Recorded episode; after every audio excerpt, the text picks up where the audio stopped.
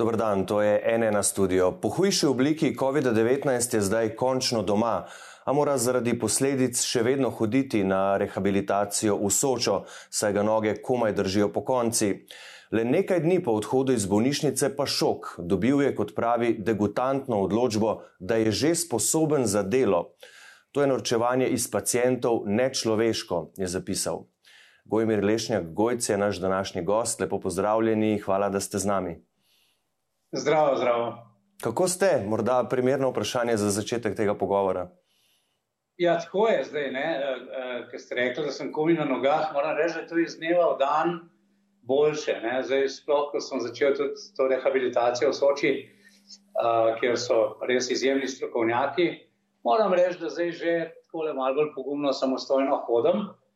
Uh, Sveda ne še nekih blaznih razdalj, uh, počepov tudi če ne morem delati, ker so pač mišice, mišice atrofirale do te mere, da pač uh, je ta rekel neka, da bi se človek na lastne noge postavil, še ne gre čist, ne. Ja, ampak hodim pa že, no, kar suvereno. To opazujem zlasti pri premagovanju stopnic, uh, kjer sem recimo, ko sem prišel iz uh, Golnika, uh, imel do prvega nadstropja štiri postanke z kar izdatnim dihanjem, zdaj pa v bistvu eh, z počasnim korakom pridem eh, tako eh, že normalno, brez, brez eh, počitka, kar je kar velik, velik napredek. Lepo je to slišati. Eh, gospod Lešnja, kako se spominjate tistih dni, ko ste zboleli za COVID-om? Uh, ja, človek upa, da ni res. Ne? In si govoriš, ne, ne, pa ne jaz, pa kako glih mene, pa ne. No. Ob tem sem bil uh, dvakrat cepljen, tako da sploh ne moreš verjeti, da bi se to lahko zgodilo. Je pa res, da sem bil cepljen za AstraZeneca, za katero je zdaj jasno, da ni uh, ravno optimalno cepivo.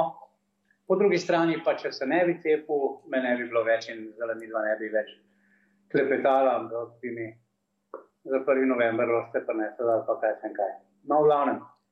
Uh, potem sem pač 1. novembra sem bil uh, uh, potrjen s PCR testom, da imam COVID in so proga ravno tako.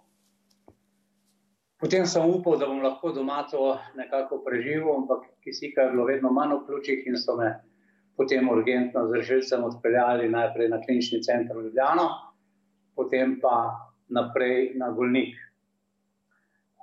moram reči, da je bolnica Golnik uh, res Rojs Rojs med bolnicami. No, verjamem, da je tudi druge, da si enako prizadevajo. Tako naprej smo pač izkušnja z bolnikom, kjer um, pravim zdravnikom,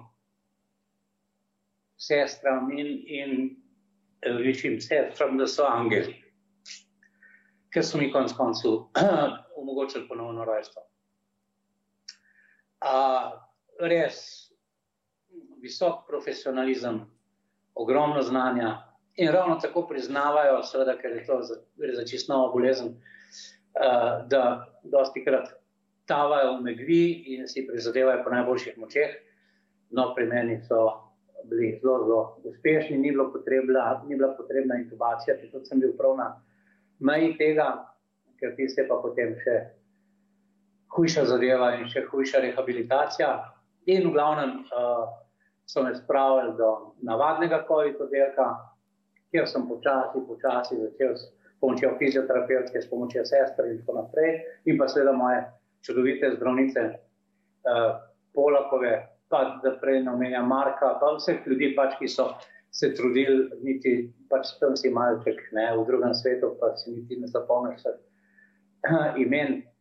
Skratka, uh, spravili na noge in mi pripeljali do tega, da sem lahko zdaj v domači oskrbi.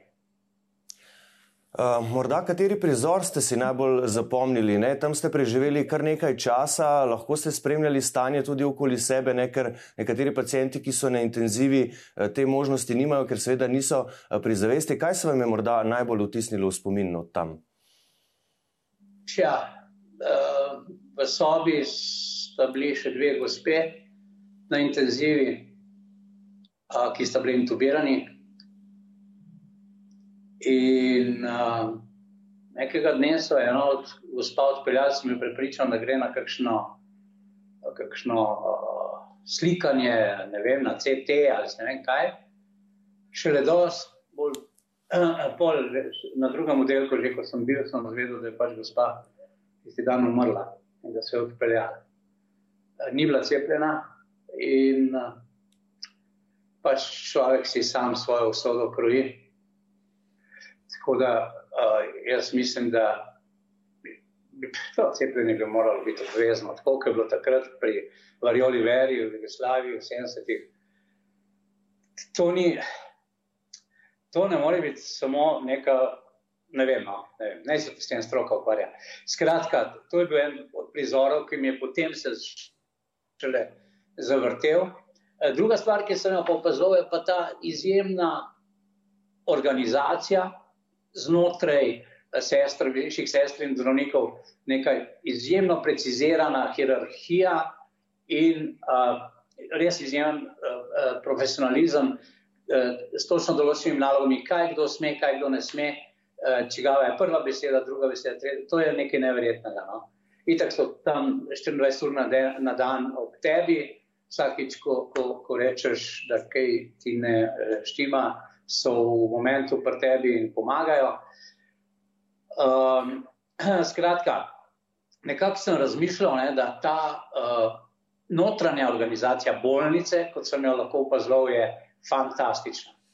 Uh, in potem sem v bistvu to, to, to sliko malo razširil na naše, naš zdravstveni sistem uh, in pravzaprav ugotovil, v čem je problem našega zdravstvenega sistema. V tem, da če bi tako organizacijo, kot je znotraj bolnice, prenesel na cel sistem, ne ta isti, ampak pač nek človek, ki zna uh, uh, ravnati z organizacijo, da to seveda ne more biti zdravnik, to ne more biti to vrsten uh, minister, ki ga imamo zdaj, ampak to je nek človek, ki ima veliko znanja tudi o medicini, predvsem pa ima uh, eno široko, široko znanje o organizaciji dela. In po mojem bi se to zdravstvo lahko zelo hitro postavilo na noge, eh, da ne bi bilo teh izjemnih čakalnih vrst, tega čakanja. Tle je ogromno še za postoritev, ampak prav, morate prav človek priti na pravo mesto.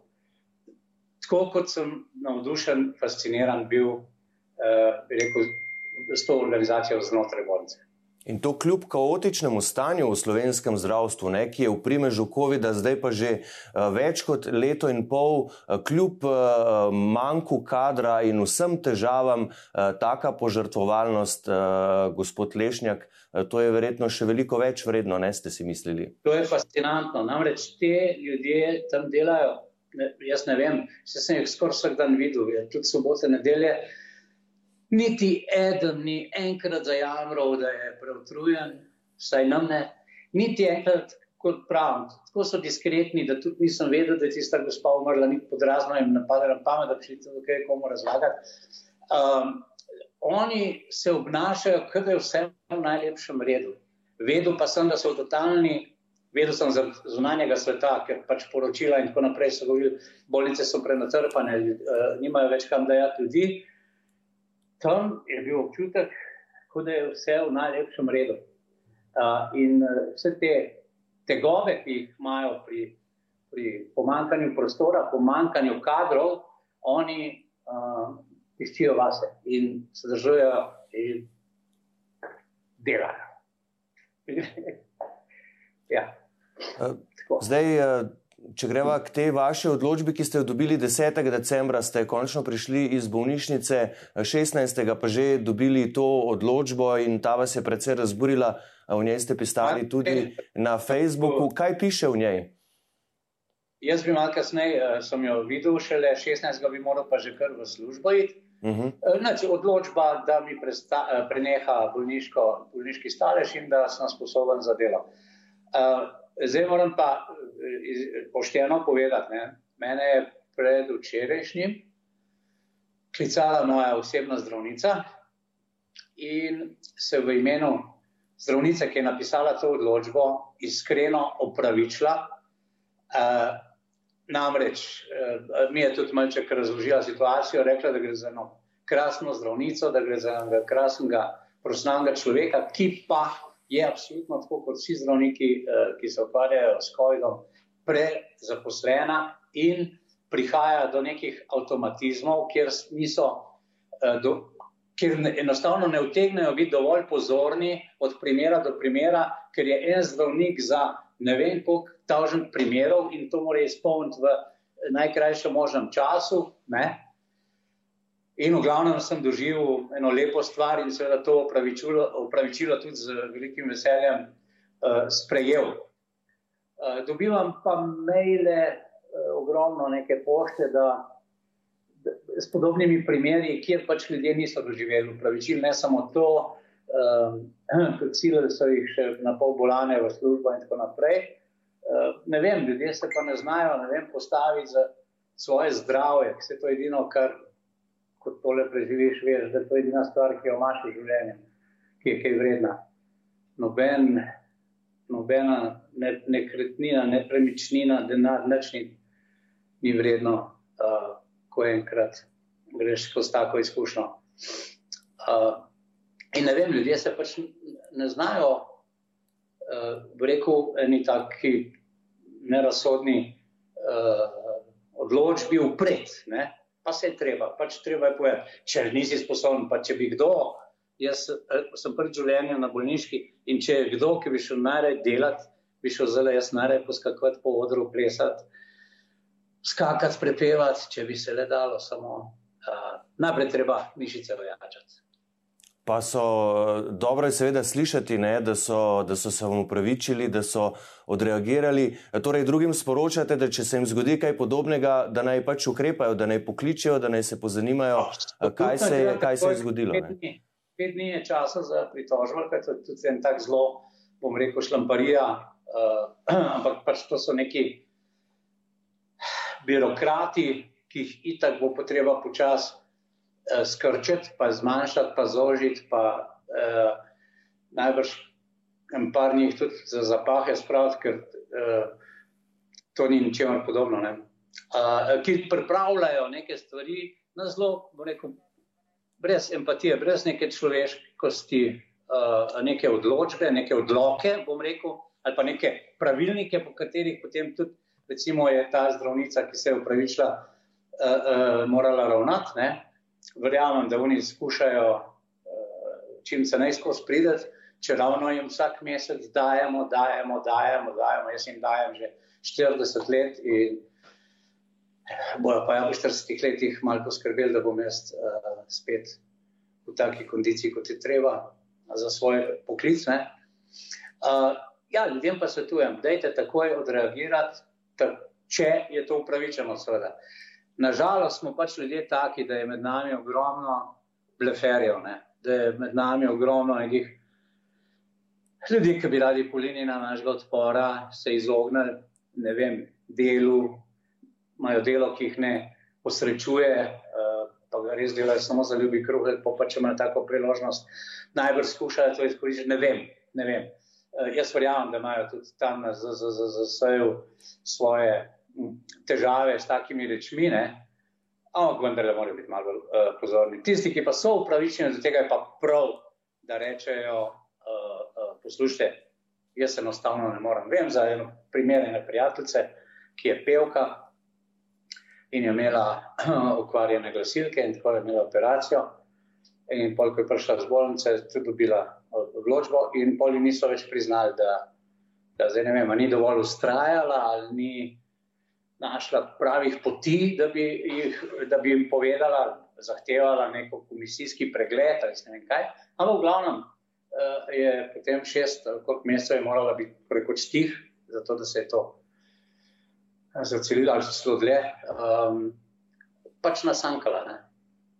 Mhm. Ja, treba se je postaviti zase. Vi čutite morda še kakšne druge posledice COVID-a? Seveda, povedali ste že, kakšne so posledice na mišicah, da so pač atrofirane. Kaj pa kaj drugega, kar se vam morda še pozna, da, da čutite zaradi te bolezni? Dihanje. Uh mhm. -huh. Ker pljuča najbolj nasankajo pri tej zgodbi, pri tej COVID-i pljučnici. Um, Skratka, zdaj delam neke posebne, pa posebne pač, dihalne vaje, ki so jih naučili v, še, še na Golniku. Um, in delam te vaje, ki, so, ki me jih učijo zdaj v Soči za, za jačati uh, mišice. Te dve stvari sta najbolj. No? Imel sem precej hude krvavitve iz nosa, to zdaj tudi počasi saniramo.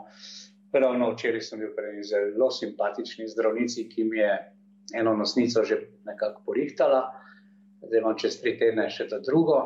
No, reč pri, ko si ti na en mesec, tako rekoč na kisiku in to na začetku na 100-odstotnem, ti gledaj vse izsuši, ne, uh, nos in tako naprej. Istočasno sem imel trombozo in sem pač uh, dobivam zdaj jem na dan deset različnih zdravil. Um, in seveda so morali pač mi dati uh, injekcije proti strevanju krvi, in to je pa posledično potem za tega kisika vsega skupaj povzročilo, da se ti začne ulivati kri iz nosa in tako. In to, nekaj, namreč, uh, uh, jaz sem na medrolu, recimo, to je eno tako zelo hudo zdravilo. Zaradi medrola moram imeti pa še, mislim, da je ne 4-5 različnih zdravil, zato da da tisto, kar slabo povzroča medrol v telesu, potem nekako sanirajo druga zdravila. Tako da ni enostavno, no? ta, ta bolezen, jaz res svetujem, sam ne pejte se cepeti, pa nehajte poslušati cepce. Kaj pa sporočate ljudem v tem prazničnem času, ko bi se želeli družiti, pa se še vedno ne moremo v takšni meri, kot smo se denimo včasih? Nis, za soprogo nisva človeka, ki bi uh, nekaj blazno praznovala, eh, še zlasti, mislim, bo, božiča pač ne praznujemo, ampak tudi za novo leto nimamo nekih navad, blazno nekaj nekaj. Uh, in uh, tako da sem, ne morem, nisem pravi za ta nasvet, ampak vendarle, uh, kaj lahko rečemo, to, kar sem videl v bolnici in tako naprej in posledice ki jih prinaša ta okužba, uh, dajte potrpeti, dajte počakati, pa bo pol dosti večji žur. Upam, da že prihodnje leto uh, končamo s to zgodbo te, te eh, svetovne norije. To vsi upamo, ampak ste se kdaj vprašali, kakšni bomo kot družba išli iz vsega tega? Drugačni. Uh mhm. -huh. Kako mislite, kako drugačni, v kakšnem smislu? Kaj se bo najbolj spremenilo? So se že spremenili človeški, medčloveški odnosi. Uh, to vidimo, recimo, že ne vem, če kdaj gledate uh, nacionalno televizijo, tretji program, uh, ta izjemna nestrpnost, uh, primitivizem, izjemen primitivizem. In to, kar je ravno včeraj v eni uh, intervjuju rekel isto, kot Mlakar, prijatelj moj zlati, je rekel, to so ljudje, ki nimajo humorja. Skratka, želim reči, da če si bomo povrnili tudi med ljudi humor, če bomo skušali spet normalno začeti komunicirati, če se bomo, če bomo končno uh, prišla na oblast neka politika, s katero se ne bomo več ukvarjali, ki nas ne bo več držala za vrat in, in uh, dejala tega slabega, bednega občutka, ki ga vsaj jaz, pa vsi moji okrog mene in prijatelji čutimo, uh, bo dosti lažji. Ampak potreba povrniti, ali pa bo rekel, veliko dela prav na tem, da povrnemo te normalne medčloveške kontakte, odnose med ljudmi, za katere smo se zdaj kar uh, odvadili. Uh, in to se mi zdi v bistvu ena najpomembnejših stvari, druženje, uh, klepet, pogovor, znati poslušati. Ne? Pa bo s tem, s to mislijo zaključila gospod Lešnjak. Najlepša hvala, da ste z nami delili svojo izkušnjo. Seveda vam želim vse dobro in čim prejšnje okrevanje in da vas spet čim prej vidimo tudi na odrih, da boste dejansko čim prej sposobni za delo. Hvala vam lepa in eh, vse dobro vam želim. Ja, bom rekel kot ateist, Bog vas usliši. Hvala še enkrat, lepo zdrav. Hvala pa tudi vam, seveda, za vašo pozornost. Spremljajte nas še naprej na nnainfo.si iz studija, pa lepo zdrav in nasvidenje.